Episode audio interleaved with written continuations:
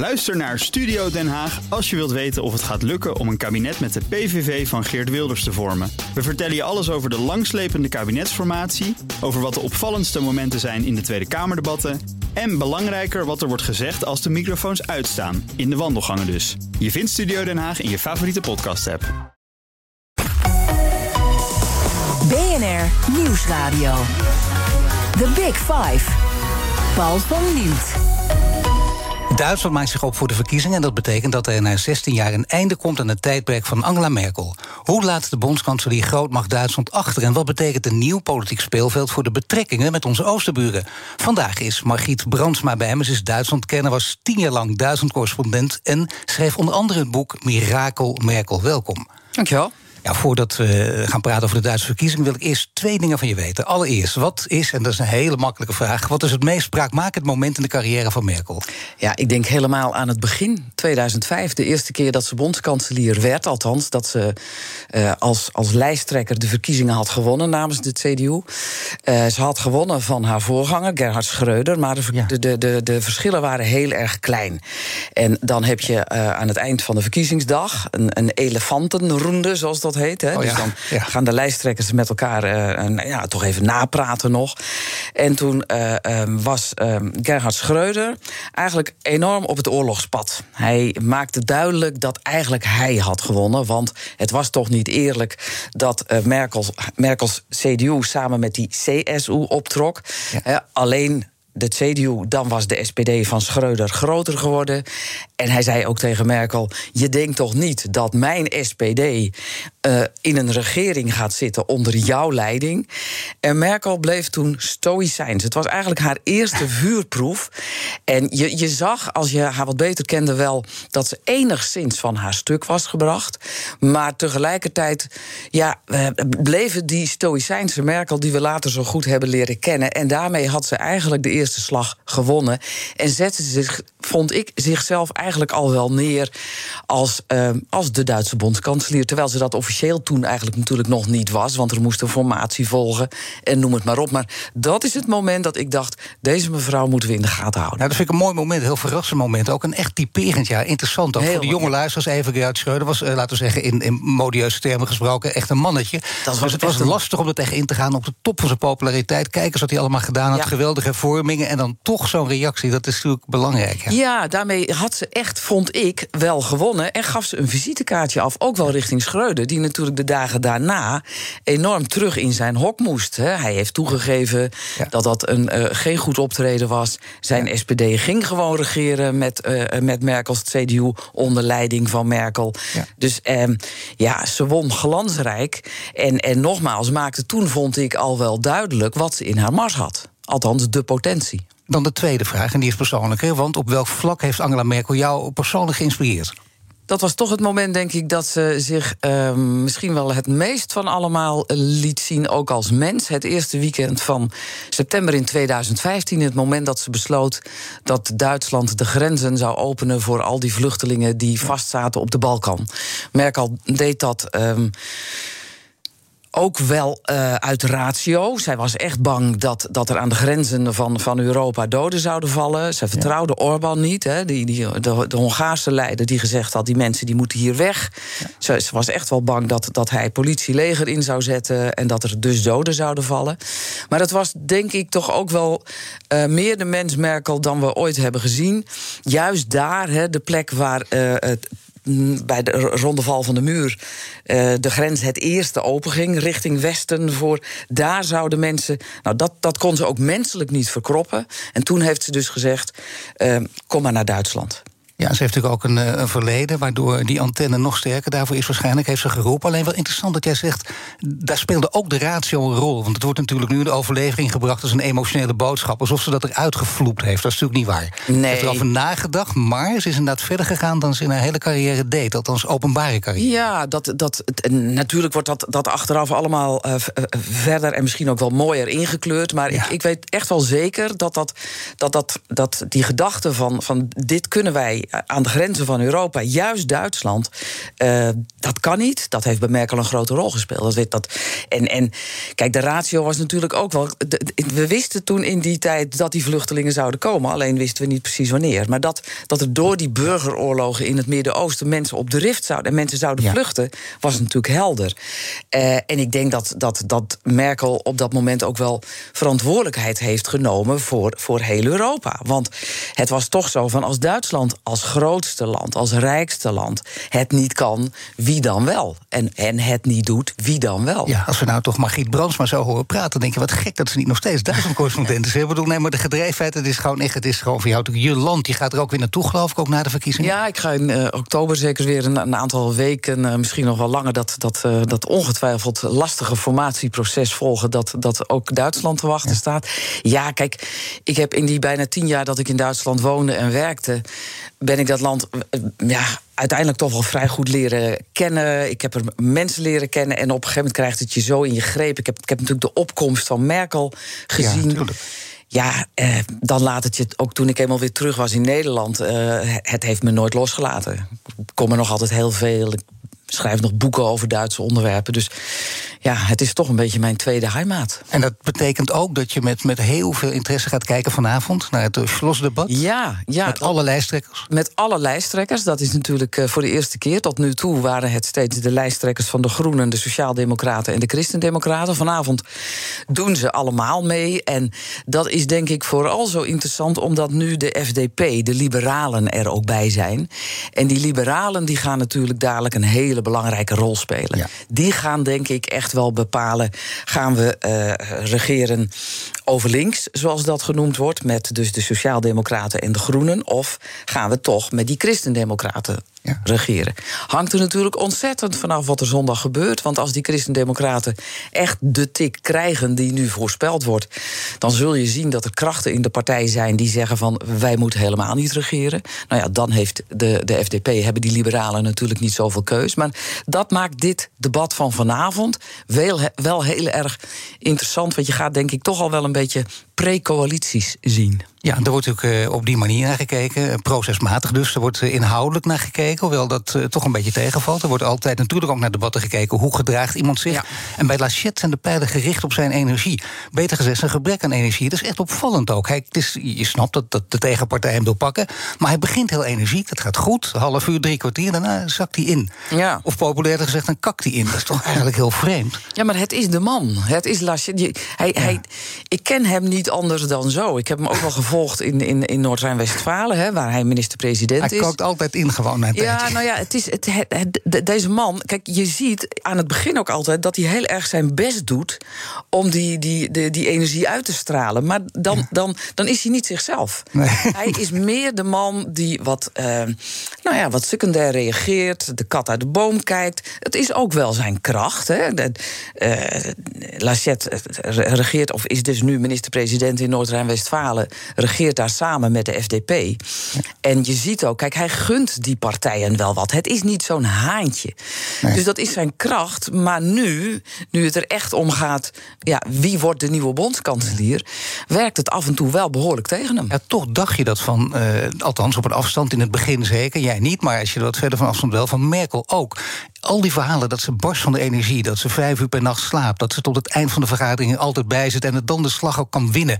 Dat denk je niet als je haar meteen ziet lopen. En ze kan ook rustig en bedachtzaam reageren, maar dat is toch op een andere manier. Toch een heel ander karakter uiteindelijk dan Lachette, of niet? Of zitten ze dichter bij elkaar dan ik vermoed? Ja, kijk, ik, ik denk dat ze dichter bij elkaar zitten dan je vermoedt. En ik denk ook, kijk, ook, ook Merkel was in 2005 niet onmiddellijk de autoriteit en de bondskanselier die ze nu is. Nee. Of die ze de afgelopen jaren was. En ik denk echt dat iemand als Lachette, want als je minister-president bent van, van Noord-Rijn-Westfalen, dat kan je echt vergelijken met het premierschap van Rutte. Ja. Die, die, die, die ja. deelstaat is bijna net zo groot, uh, uh, economisch gezien. Dus echt, dan, dan, het is echt de belangrijkste deelstaat. Dus ik denk echt dat ook iemand als Laschet in die functie kan groeien.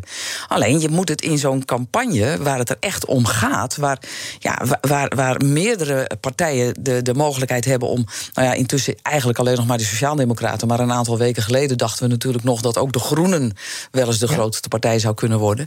Ja, dan moet je echt uh, autoriteit uitstralen. En ja, dat doet hij, denk ik, uh, te weinig. Maar heeft natuurlijk mensen om zich heen en daar kun je heel nerveus van worden. Want die roepen, dat zien we bij heel veel politici. Dat is, dan graaf je eigen graf. Door voortdurend te luisteren. Maandag doe je dit, dinsdag doe je dat, woensdag doe je dat. Je begrijpt het ook wel. Maar dat is, dat is een valkuil. Ja, dat is een valkuil. Ik denk dat, dat Laasje het beter ervoor had kunnen kiezen om, om zoveel mogelijk zichzelf te zijn.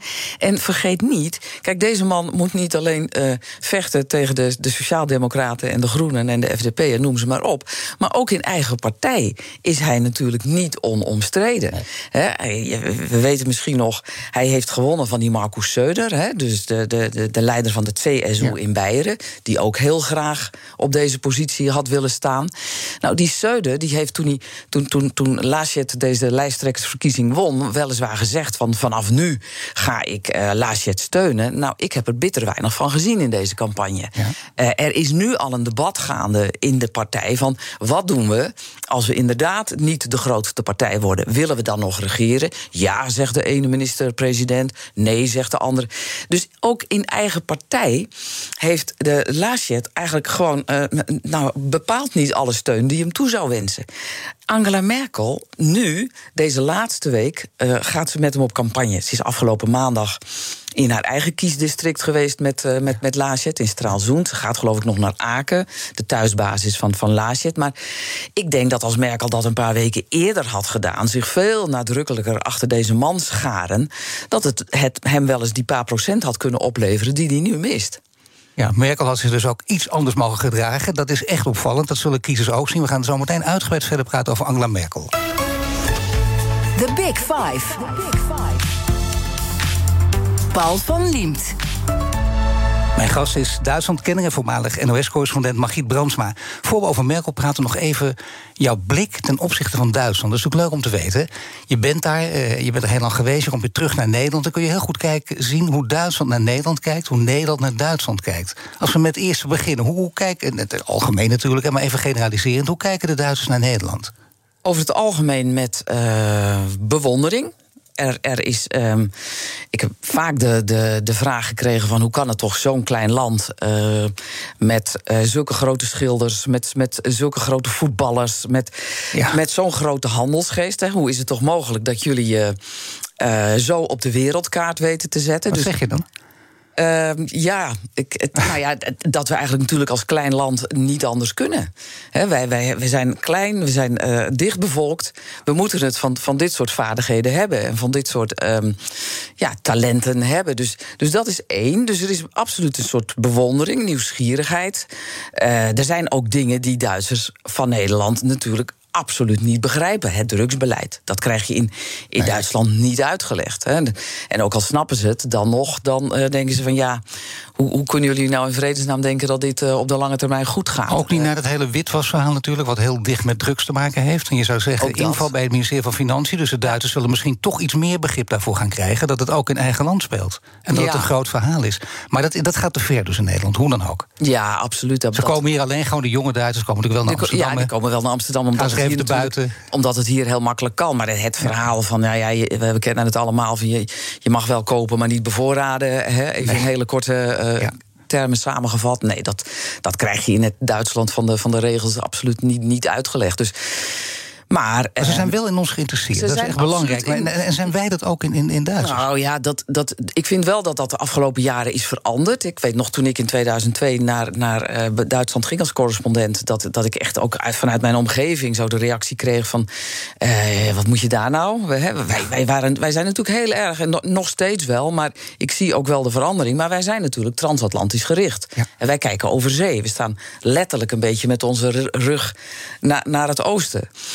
Uh, ik zie wel dat dat veranderd is. En dat, dat, ik denk dat dat in de jaren. Uh, nou ja, met name de jaren van de financiële economische crisis. Uh, um, de grootste ja, de, de, de grootste shoep, zou een Duitser zeggen. De, de, de grootste verandering is gekomen, ja. de grootste kentering. Omdat Echt tweetalig toen... geworden, dat is wel leuk. Ook. Ja, dat ja, is dat, uh, in een beetje in het Duits denken. denken. ja. ja, van, wat is, uh, want toen zag je ook wel dat met name... Want, he, Duitsland had natuurlijk ook te, te, te, te lijden... onder die, die, die economische financiële crisis... maar was er ook heel snel weer bovenop. Door een heel gericht pakket maatregelen. Dat gaat te ver nu, denk ik, om dat allemaal uit te leggen. Zeker. Maar, Uh, en dat, dat, dat werd in Nederland ook gezien. Dus toen, en dat merkte ik zelf ook wel, uh, was het met name ondernemend Nederland die, die opeens die Duitse markt heel erg in de gaten kreeg. En vanaf dat moment heb ik wel gezien dat, nou ja, je, mensen, we zaten toen ook in een periode dat mensen met, met wat minder inkomen zaten. Ja. En, en ook opeens zagen van, nou, je kunt, op, je ja. kunt ook over de grens op vakantie. Dus Duitsland werd ook ontdekt als vakantieland. Dus in die jaren heb ik het wel zien veranderen. Maar ik denk nog steeds wel dat wij. Um, nou ja, wel eens, wel eens wat meer inspanning zouden mogen doen om de Duitsers echt te gaan begrijpen. Wat meer weer de taal gaan leren. We vinden het allemaal erg vanzelfsprekend. Terwijl we ons ook moeten realiseren dat wij een van de negen buurlanden zijn van, van, van Duitsland. Ook dat nog. En we zijn ook de 17e deelstaat van Duitsland. We zouden ja. meer naar Duitsland kunnen kijken. En we kunnen kijken naar Angela Merkel. Want die heeft een, een topprestatie geleverd door sowieso 16 jaar daar te blijven zitten. Zeker in het begin, verguist ook. Dat is mooi natuurlijk, hè? jouw boek 2012 en het mirakel Merkel. Daar gaat het over het raadsel. Het raadsel dat je wil ontsluieren. Ja. Dat is niet gelukt, heb ik het idee, toch? Nee, in de loop der tijden. Ik, ik weet niet, ik denk dat alleen haar eigen man precies weet hoe het raadsel Merkel in elkaar zit. Dat hoop je, ja. ja. Nee, nou ja, kijk, het, um, wat, wat ik vooral zo bijzonder vond aan Merkel. We, we, kennen alle verhalen. De eerste Oost-Duitse, de eerste vrouw, de jongste bondskanselier. En, en noem het, al die dingen. Eerste, eerste, eerste. Wat je wat minder vaak hoort, is dat zij natuurlijk kans heeft gezien om in een West-Duits mannenbolwerk als de CDU, die vol zat met uh, onderlinge vriendschappen, banden en noem ja. het allemaal, om in die partij omhoog te klauteren. Ja. He, dat, dat vond ik echt heel knap. En dat, dat is ook wel verklaarbaar. Merkel kwam natuurlijk bovendrijven op een moment he, in de CDU, of, of klom omhoog, moet ik zeggen. Bovendrijven klinkt een beetje oneerbiedig. Ja. Ja. Maar klom omhoog in, in die CDU toen die partij in een enorme crisis zat. In een enorm smeergeldschandaal. He. Daar was Kool destijds bij betrokken. Schäuble, een grote man. Haar leermeester Kool durfde ze ook aan te pakken. Durfde ze ook aan te pakken. En er waren heel veel kroonprinsen voor Kool. Maar ze, allemaal hadden ze wel een smetje. De ene was bij dat smeergeldschandaal uh, betrokken. De andere zat net in een deelstaat als minister-president waar het niet lekker liep. En dus werd er eigenlijk gedacht van laat Merkel maar even de kolen uit het vuur halen. Uh, in deze lastige periode mag, mag zij wel even. En dan over een paar jaar zijn wij aan de beurt. Dat was toen de stemming in haar partij. Nou, we weten intussen hoe het gelopen is. En nou ja, dat, dat vind ik echt gewoon heel knap. Dat, dat, dat ze dat voor elkaar gekregen Maar wat ik dan opvallend vind, hè, ze werd ook heel vaak door Forbes uh, uitgeroepen... tot machtigste vrouw van, van Europa, van de wereld zelfs. En in de loop der jaren is haar ster ook gerezen natuurlijk. Ze heeft zich, eh, wat jij nu zegt, eh, nadrukkelijk in dat enorme mannenbolwerk omhoog weten te werken. En ze heeft ook haar kracht getoond. Het gekke is dan in interviews, hè, dat is wel vaker geconstateerd... maar ik ben toch benieuwd wat jij ervan vindt. Ze heeft zich zelden of nooit als feministe neergezet. Althans niet prominent. Net of ze dat niet wilde, of wat zit erachter? Ja, dat, dat is inderdaad een, een ingewikkelde vraag. Als je Merkel rechtstreeks gevraagd, zegt dan: uh, Ik ben niet een feminisme of, of een feministe. Ik wil me niet met veren uh, prijken die ik niet verdiend heb. Ik, ben, ik heb niet op de barricaden gestaan. Ja. Zoals feministen dat hebben gedaan. De, Um, maar, het is toch weer vanuit bescheidenheid, dan ja, past het ook. Het is vanuit bescheidenheid, maar het is bij Merkel is niet niks voor niks. het is ook wel uit berekening. Als Merkel zich gaat afficheren als feministe, dan zijn er heel veel vrouwen in het conservatieve gedeelte van de CDU die denken van ja, maar dat is niet mijn Merkel. Ja. Maar kijk, Merkel zegt als feminisme is dat mannen en vrouwen gelijke rechten hebben, dan ben ik feminist. Maar ik ben niet de vrouw die op de barricade staat om te vechten enzovoort. En ja, daarmee.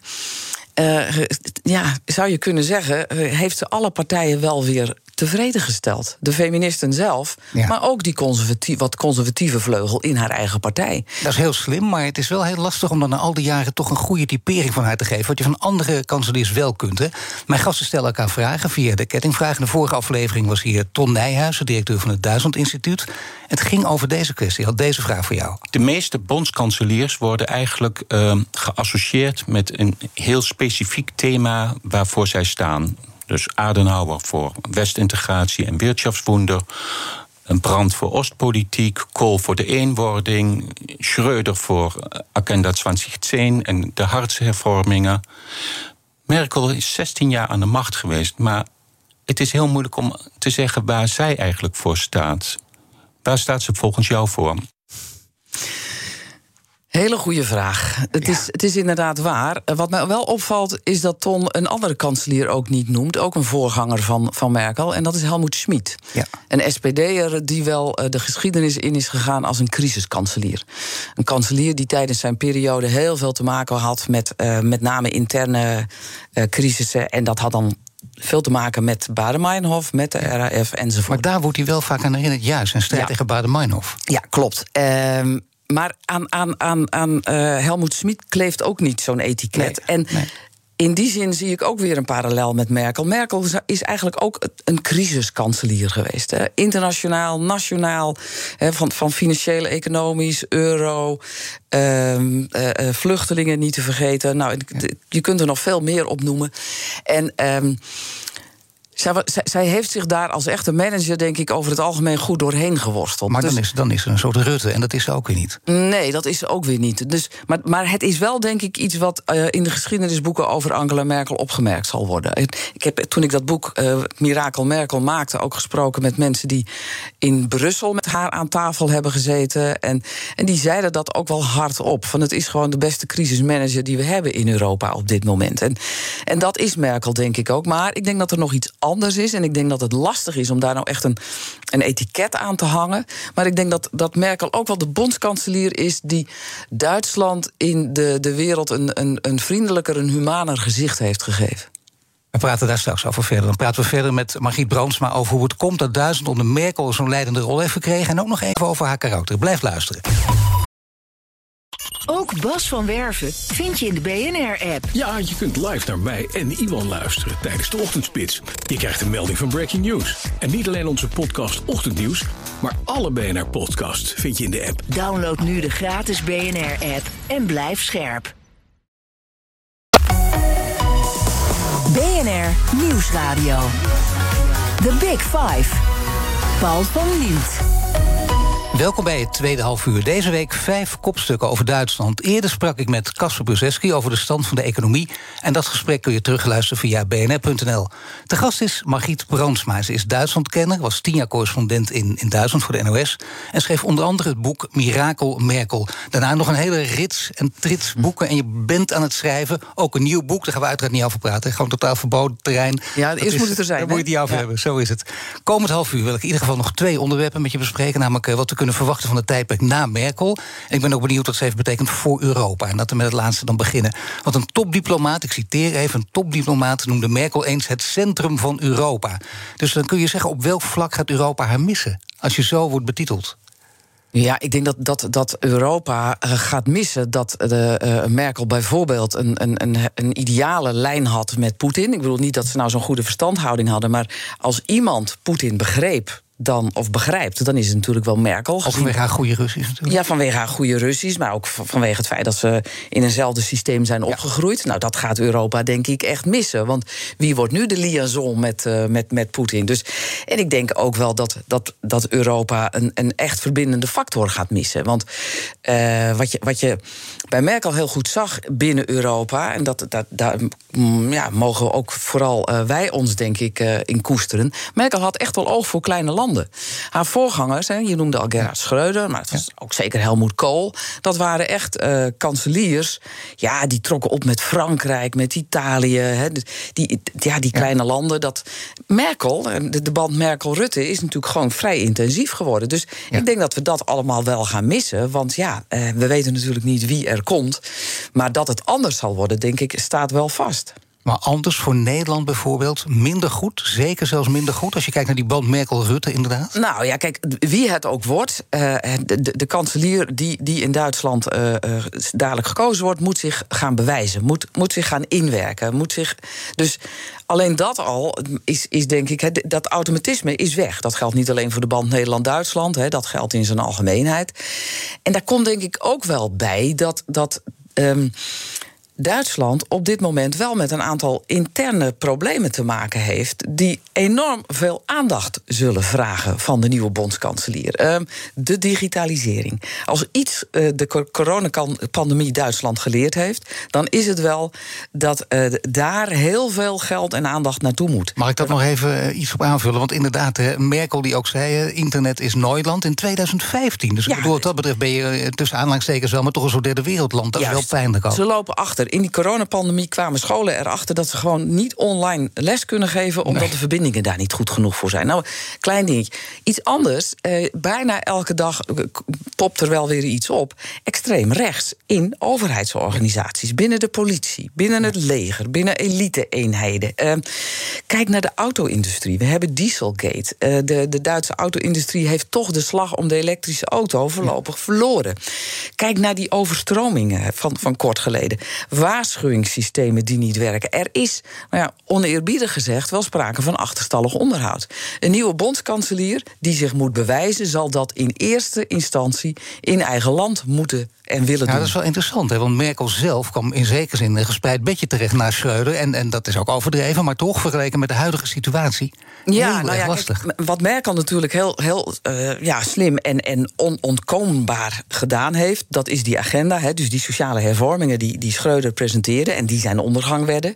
Die agenda 2010. Ja. Merkel heeft het natuurlijk gewoon uitgevoerd, samen met de SPD. Ja. En dat maakte bijvoorbeeld ook dat uh, Duitsland vrij goed door die financiële economische crisis kwam. Omdat het, het had zijn zaakjes wel op orde. Uh, dus, en wat, je, wat je natuurlijk altijd ziet bij, bij kanseliers die wat langer zitten dan een jaar of vier, acht, die, krijgen, uh, inter, die gaan zich veel meer internationaal manifesteren. En dat heb je natuurlijk ook bij Merkel gezien. Ja, Biden nodigde haar ook als eerste uit. Niet de EU-voorzitter, maar, maar, maar, Merkel. maar Merkel. Ja, dat is, was, was natuurlijk heel erg opmerkelijk. Maar het heeft meer met Merkel dan met Duitsland te maken. Dat kun je echt zo zien, of niet? Ja, dat denk ik wel. Dat ja. denk ik wel, Merk. Kijk, de, de, de band tussen Obama en Merkel was natuurlijk heel erg goed. Het feit dat, dat ja. Merkel in 2017 heeft om nog een periode beschikbaar te zijn als bondskanselier, hè, om zich nog een keer herkiesbaar te stellen. Wat eigenlijk wel een beetje als een verrassing kwam hoor, naar, naar die, het vluchtelingenjaar van 2015, ja. haar afnemende populariteit. Toen waren er toch heel veel mensen die zeiden: uh, Merkel gaat niet door. Al was het bijvoorbeeld ook maar omdat ze wel eens over Helmut Kool had gezegd: 12 jaar was genoeg. Ja. Die, die, vier jaar had hij niet meer moeten doen. Nee, dat werd door haar vijanden toen ook inderdaad gebruik ja. van gemaakt. En bovendien, ze was ook, ook een beetje aan het afbladeren op alle gebieden. Ze, ze leken zelf ook af... minder zin in te hebben. Ja, dat ze toch doorging, was omdat uh, onder meer, er waren meer factoren, maar heel belangrijk was dat Obama dat haar gevraagd heeft. Die heeft echt tegen Merkel gezegd: de wereld is op het moment zo in beweging. Hè. We hebben Trump in het Witte Huis, uh, de Brexit, opkomend nationalisme overal in Europa. Het is heel belangrijk dat Europa een stabiel, dat Duitsland een ja. stabiel leiderschap houdt. En toen heeft Merkel haar knopen nog een keer geteld. Ook in, in, in eigen land waren er wel mensen die dat beroep op haar deden. Ja. En ook binnen Europa werd dat wel gedaan. En toen heeft ze dus gezegd: van nou, ik ga nog een periode door. En dat zegt natuurlijk heel veel over de statuur van Merkel als persoon. Nee, zeker. En uh, daarnaast is nog een belangrijk, uh, namelijk dat ze die balanceeract heel goed begrijpt. Want als Obama je vraagt, als je weet hoe belangrijk bent, uh, dan kun je letterlijk naast je schoenen gaan lopen. Dat is heel gevaarlijk. Hè? Dan kun je de, ja. je eigen rol gaan op.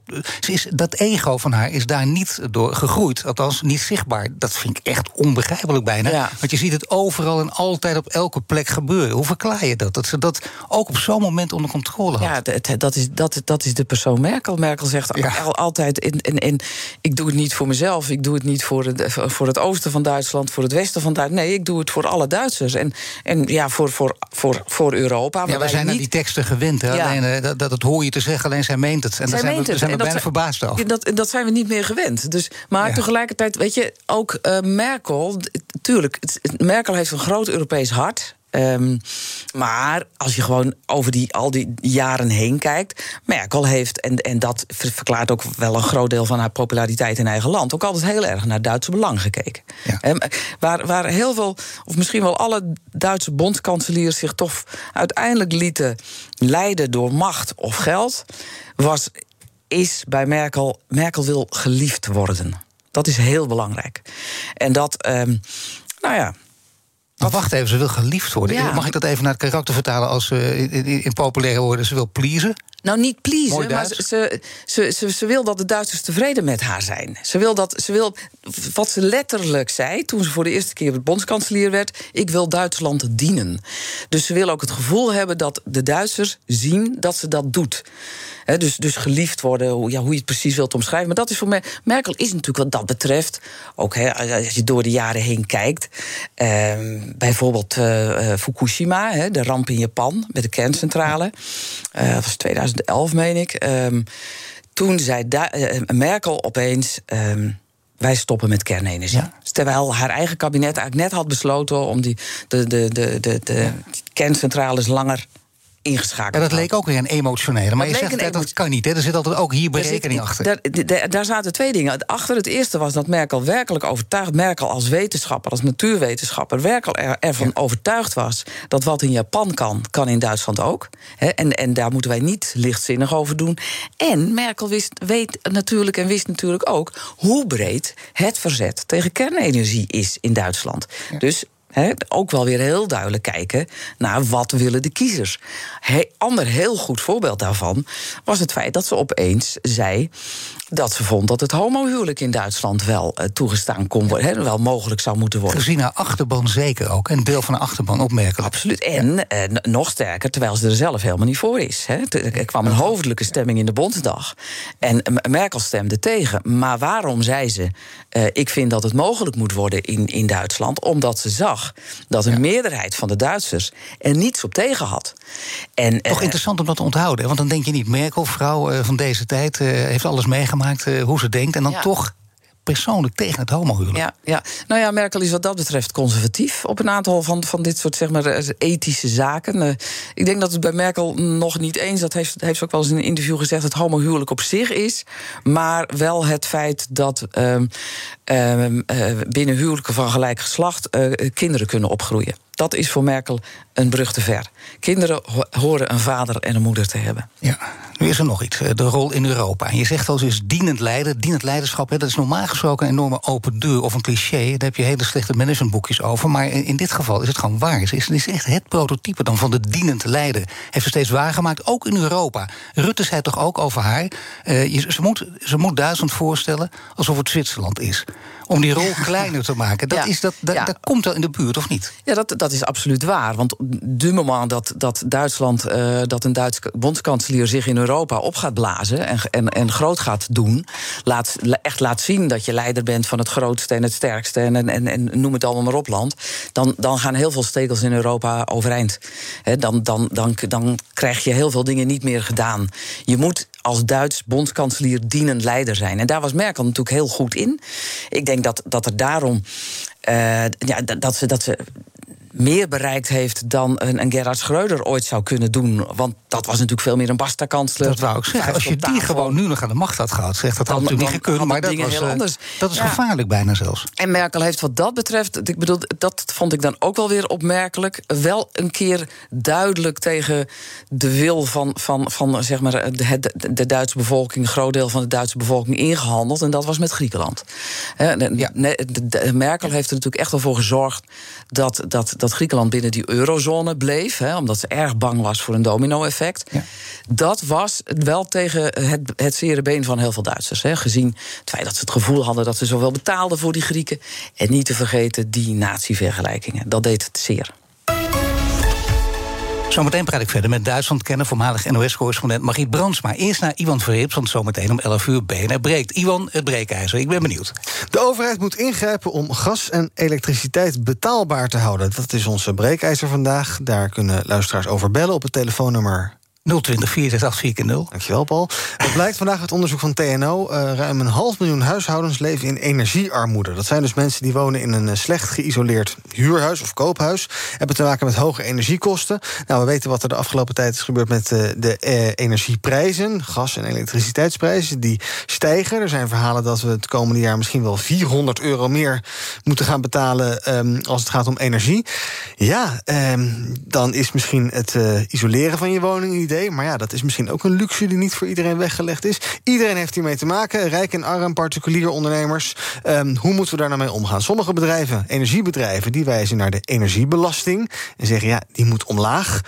Maar Energie Nederland zegt dan weer... de overheid moet even niks doen. Um, kortom, wij willen weten, wat denken onze luisteraars erover? De overheid moet ingrijpen om gas en elektriciteit betaalbaar te houden. Zometeen ga ik erover praten om 11 uur, dus dat is over een eh, minuutje of 15. Dan kan jij bellen, ik heb een deskundige, ik heb een panel. En ik hoor graag van jou, ook als je er zelf mee te maken hebt... want ik betaal netjes elke maand mijn termijnbedrag. Ik merk er nog niet zoveel van, maar misschien dat je over een paar maanden... de afrekening krijgt en dat je helemaal rot schrikt. Jazeker, dan gaat het toch over haalbaar en betaalbaar. Ik hoop niet dat jij rot schrikt en anders gewoon natuurlijk flinke opslag heb je verdiend. Hè? Want benen breken ja, het programma nog harder werken. Zeker. Okay. Alright, zometeen om 11 uur. Straks om 11 uur, benenbreek met Iwan. BNR Nieuwsradio. The Big Five.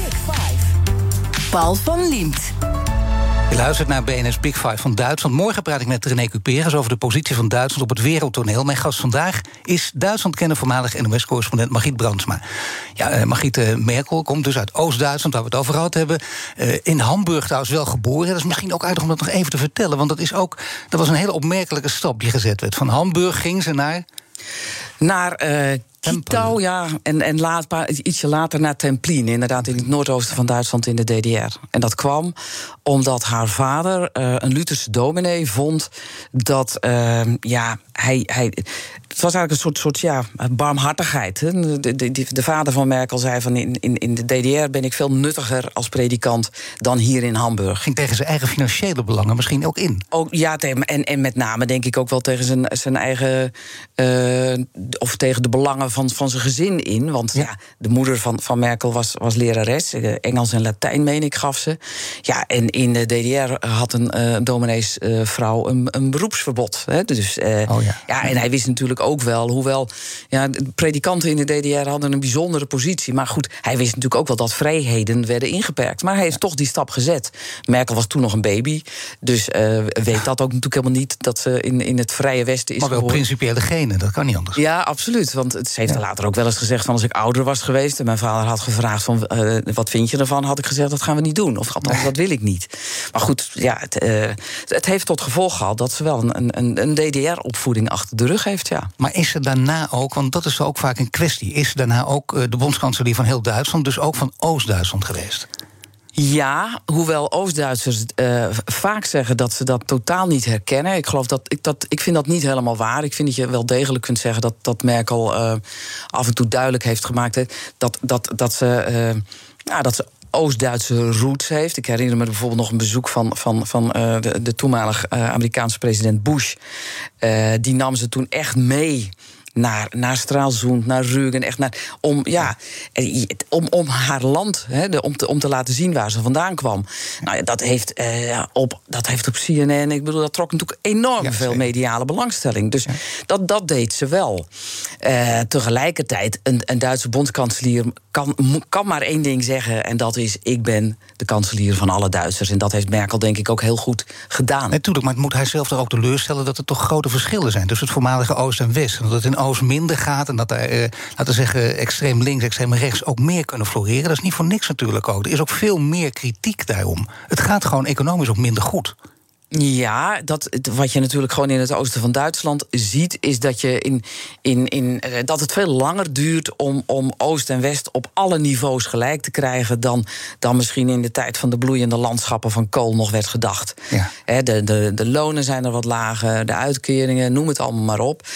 Uh, zeker meteen na de wende na de, en na de hereniging. Maar het is nu 30 jaar, 30 jaar na de ja. wende. Dan kun je zeggen, het is heel lang. Je kunt ook zeggen, ja, dat denken we altijd helemaal. Maar ja, in historisch maar... perspectief gezien is het misschien helemaal niet zo lang. Nee, ik denk dat het helemaal niet zo lang is. Want je moet, vergeet niet, kijk, toen, toen na de, de, de hereniging die werkloosheid zo enorm uh, steeg in, in, in, de, in, de, in de voormalige DDR, toen trokken daar heel veel jongeren weg. Dat had enorme demografische gevolgen voor dat gebied. Uh, je moet ook bedenken, kijk, vanaf het moment dat, van de Duitse hereniging kwamen er opeens 16 miljoen Duitsers bij, hè, want de DDR had zo'n 16 miljoen uh, inwoners, die in een zeg maar sociaal systeem stapten. gezondheid gezondheidszorg, per, noem, waar ze nooit aan meebetaald hadden. Dat vergeten wij wel eens, maar dat is natuurlijk een enorm, enorme operatie. Dat kost jaren. En, en intussen weten we decennia om, om dat allemaal weer zo op te bouwen. Om te, ja, zodat je ook echt kunt zeggen: het is één land. Maar hoe zit het met Oost- en West-Duitsers uh, van oudsher als elkaar tegenkomen, nieuwe generaties? Want qua accent kun je nog een beetje van elkaar denk ik, horen waar je vandaan komt. Maar is er nog steeds enig wantrouwen? Of is er meteen, laten we zeggen, de psychologie weet hoe dat werkt, hè, de eerste ontmoeting, hoe dat gaat? Is, is, is dat er nog steeds of gaat dat weg nu met nieuwe generaties? dat gaat natuurlijk weg. Het hangt er wel een beetje. Hè, dat, eh, wat je ook wel in, in, in Oost-Duitsland ziet, is dat dat gevoel van ontevredenheid over de hereniging en over wat, alles wat er daarna is gebeurd, uh, doorgegeven wordt. Hè, want dat, dat, uh, dat nou, van generatie op generatie nog een, een, een rol speelt. Maar kijk Ga naar een stad als Berlijn. Of uh, daar, daar spelen dat soort dingen eigenlijk helemaal niet zo'n rol meer. Dus je ziet wel dat het langzamerhand verdwijnt. Maar het speelt nog altijd absoluut een rol in, in het herenigde Duitsland. Ja, in Berlijn speelt het geen rol. Je merkt toch heel vaak ook uh, gewoon de toerist die naar Duitsland gaat. Dan ga je naar, naar Mieten. En dan denk je, ja, dan zit je toch in de buurt van oude Oost-Duitsland. Of ga naar Charlottenburg. Dan kom je toch het echte Oeversdam, dat echte West-Duitsland tegen. En je merkt de verschillen toch nog wel. Jawel, je merkt de verschillen nog wel. Maar we hadden het nu even over de hoofden van de mensen. En dan, als het om jongere generaties gaat, dan zie je dat echt wel verdwijnen. Um, ja, en, en wat die oudere generaties betreft, en dan heb je het, en heb je het over de 50, 60ers. En, en he, dus mensen die geboren en getogen zijn in, in de DDR. En ja, onder die bevolkingsgroepen heerst, een, een, een heerst ontevredenheid. He, over het feit dat ze vonden dat die hereniging een, een, een overname werd. He. Dat was geen fusie, maar ja. West-Duitsland kwam, zag en overwon. Om het even ja. heel kort samen te vatten. Um, daar ligt het woord tweede, tweede rangs Duitsers nog, nog voor in de mond. Hè. Het, het is natuurlijk ook niet voor niks dat die populistische AFD in het oosten van Duitsland uh, het sterkst is. Hè. Dat, uh, daar, daar, kunnen ze. Vind je, vind je dat Merkel dat heeft onderschat? Of is het veel te veel gevraagd? Dat ze dat nu al, want je zegt al 30 jaar is eigenlijk helemaal niet zo lang, dat ze het nu al gewoon uh, dit probleem had kunnen wegvagen? Nou. Kijk, we hadden het net even over de plaats van Merkel in de geschiedenisboeken. Da daar vergat ik eigenlijk één ding bij. Merkel zal ook de bondskanselier zijn. Onder, uh, uh, in, in wiens periode er een partij is ontstaan, rechts van de CDU-CSU. Ja. Dat was natuurlijk eigenlijk altijd ondenkbaar. Strauss heeft dat wel eens echt gezegd. Van, Frans Jozef Strauss. Hè? Frans Jozef Strauss, die heeft echt wel eens gezegd... van uh, rechts van ons is alleen nog de muur. Hè? Dus daar, kan, daar past niks tussen. Dat is echt voor het beeld even op te roepen. Echte CSU-man die dacht rechts dan dat kan niet. Nee, maar die, bleek wel degelijk te kunnen. Die, die zei eigenlijk, en dat is toch altijd ook wel de, de, de strategie van, van de christendemocraten geweest... van mensen die, die heel conservatief zijn, uh, echt extreem rechts... De, dus met neonazies en zo, nee, maar echt heel conservatief. Ook die moeten zich thuis kunnen voelen in onze partij. Nou, onder Merkel is er toch een AFD gekomen met een potentie van 10, 12 procent. Had ze dat ja. kunnen voorkomen, had ze daar iets aan kunnen doen... ja, dan kom je toch eigenlijk weer een beetje terug op op dat vluchtelingenjaar. Uh, uh, ja, dan had ze denk ik anders moeten opereren. Moet ook zeggen, toen uh, eenmaal duidelijk werd hoeveel verzet er was in Duitsland, heeft Duitsland en heeft Merkel dat beleid natuurlijk ook enorm uh, strenger gemaakt. Dus heeft wel wat gedaan. Maar tegelijkertijd, weet je, ook wat dit betreft, is, is Duitsland een, een, een gewoon land aan het worden. Zo'n populistische stroming krijgt ook in Duitsland voet aan de grond. Mag ik tot nu toe uh, heb ik de vraag gesteld. Nu mag jij er een stellen. Uh, met het oog op de tijd graag een, een korte, bondige vraag. En dat betekent in het kader van onze kettingvraag. De gasten stellen elkaar vragen. Ton Nijers had er één voor jou. Jij mag een vraag stellen aan mijn volgende gast, René Cuperus. Wat zou je hem willen vragen? De volgende vraag. De SPD verkeert al jaren in crisis. Sinds dat Schreuder de agenda 2010, de sociale hervormingen, wilde doorvoeren. Nu is die SPD met een opmerkelijke opmars bezig. Notabene onder leiding van de man Olaf Scholz, die ook in die periode van Schreuder een hele belangrijke rol speelde. Is Scholz de man die de SPD, de Sociaaldemocraten in Duitsland, weer definitief terugbrengt? Dat is niet alleen een goede vraag, maar zelfs een hele goede vraag. Uitgerekend inderdaad voor René Cuperus. En heel kort nog heel eventjes, wat gaat, uh, wat gaat ze doen, Merkel? Gaat ze echt helemaal niets doen of gaat ze een belangrijke functie bekleden? Eén van de twee. Ze gaat helemaal niets doen. Ze gaat echt niets doen. Boekjes lezen en slapen. Ja. Ja, dat had ik ook al het idee. Gelukkig ook bijna iedereen roept dat anders. Vind ik heel goed dat jij dat denkt, want jij weet precies waar je het over hebt. Ik dank je. Duitsland kennen, dat hebben we gehoord. En voormalig NOS-correspondent Margriet Brandsma. Ook benieuwd naar je nieuwe boek. Dan moeten mensen maar eventjes kijken. Wat is je site? Gewoon mijn naam.nl. Alle afleveringen van BNR's Big Five zijn natuurlijk terug te luisteren. Ook makkelijk. Je vindt de podcast in de BNR-app en op bnr.nl. En zometeen Iwan Verrips met BNR Breed. Dag. Ook Hugo Reitsma vind je in de BNR-app. Superhandig die BNR-app. Je kunt alle programma's live luisteren, breaking nieuwsmeldingen. Je blijft op de hoogte van het laatste zakelijke nieuws. En je vindt er alle BNR-podcasts, waaronder natuurlijk de belangrijkste, Boeken zijn in de wijk. Download nu de gratis BNR-app en blijf scherp.